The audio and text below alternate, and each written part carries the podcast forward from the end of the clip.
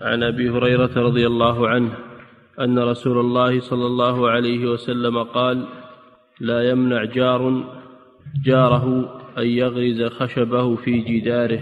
ثم يقول أبو هريرة ما لي أراكم عنها معرضين والله لأرمين بها بين أكتافكم.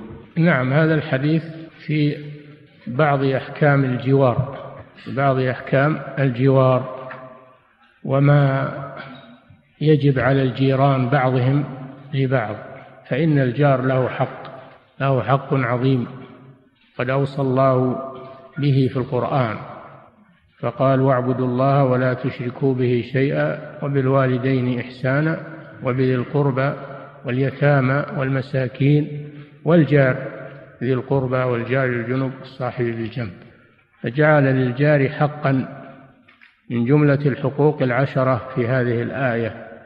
وهو حق واجب.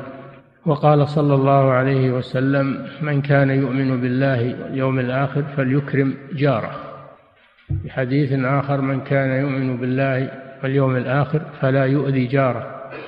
الجوار له حق. حتى العرب في الجاهلية كانوا يحسنون الجوار لأن هذا من مكارم الأخلاق التي أقرها الإسلام وأوصى بها. وهذا شيء يغفل عنه كثير من الناس اليوم. يسيئون إلى جيرانهم ويؤذونهم فضلا عن أن أن يصلوهم وأن يعطوهم حقوقهم. فهم مع منعهم لحقوق الجار يؤذونه ولا يراعون حقه ولا حرمته. حتى الجار الكافر له حق على المسلم. فإن النبي صلى الله عليه وسلم زار اليهودي وهو في سياق الموت وكان العلماء يكرمون جيرانهم من أهل الذمة يكرمونهم ويزورونهم ويدعونهم عندهم لحضور المناسبات لأكل الطعام فهذا من محاسن هذا الدين إكرام الجار. وهذا وهذا الحديث جاء ببيان شيء من حقوق الجار أنه إذا احتاج الجار إلى وضع خشبة بالتاء أو خشبه بالهاء إذا احتاج إلى وضع خشبه على جدار جاره فليس له أن يمنعه من ذلك بل يمكنه من ذلك لأن هذا من حق الجار على جاره إلا إذا كان الجار إلا إذا كان صاحب الجدار محتاجا له فحاجة المالك مقدمة على حاجة الجار. أو كان الجدار لا يتحمل يخشى أن يسقط لا ضرر ولا ضرار. أما إذا كان الجدار قويا يتحمل وصاحبه مستغن عنه واحتاج إليه جاره ليضع عليه خشبه أو خشبة فليس له منعه من ذلك لأن هذا من حق جاره عليه بدون مقابل بدون أن يقول ما أمكنك إلا تعطيني كذا وكذا. لا يجوز له أخذ العوض على ذلك لأن هذا حق واجب عليه. وهذا مما يدل على محاسن هذا الدين وأنه يحسن إلى الجيران ويوصي بحقوقهم.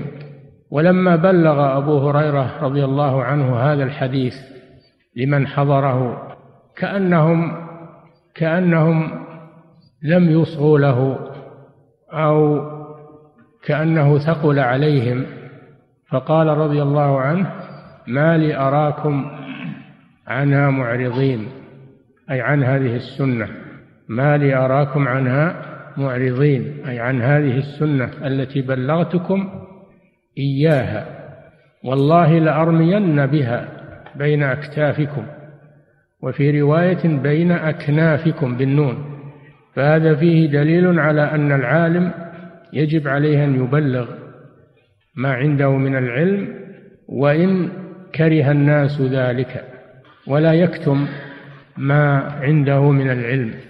فقوله لأرمين بها بين أكتافكم أو أكنافكم يحتمل أمرين.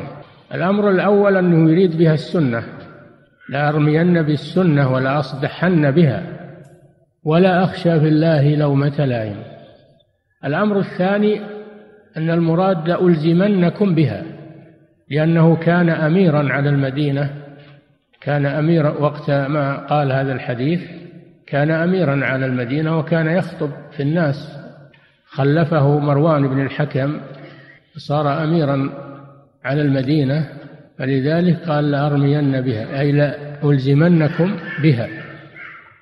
فهذا الحديث فيه مسائل. أولا فيه عظم حق الجار على جاره. ثانيا أنه ليس له أن يمنعه من الارتفاق.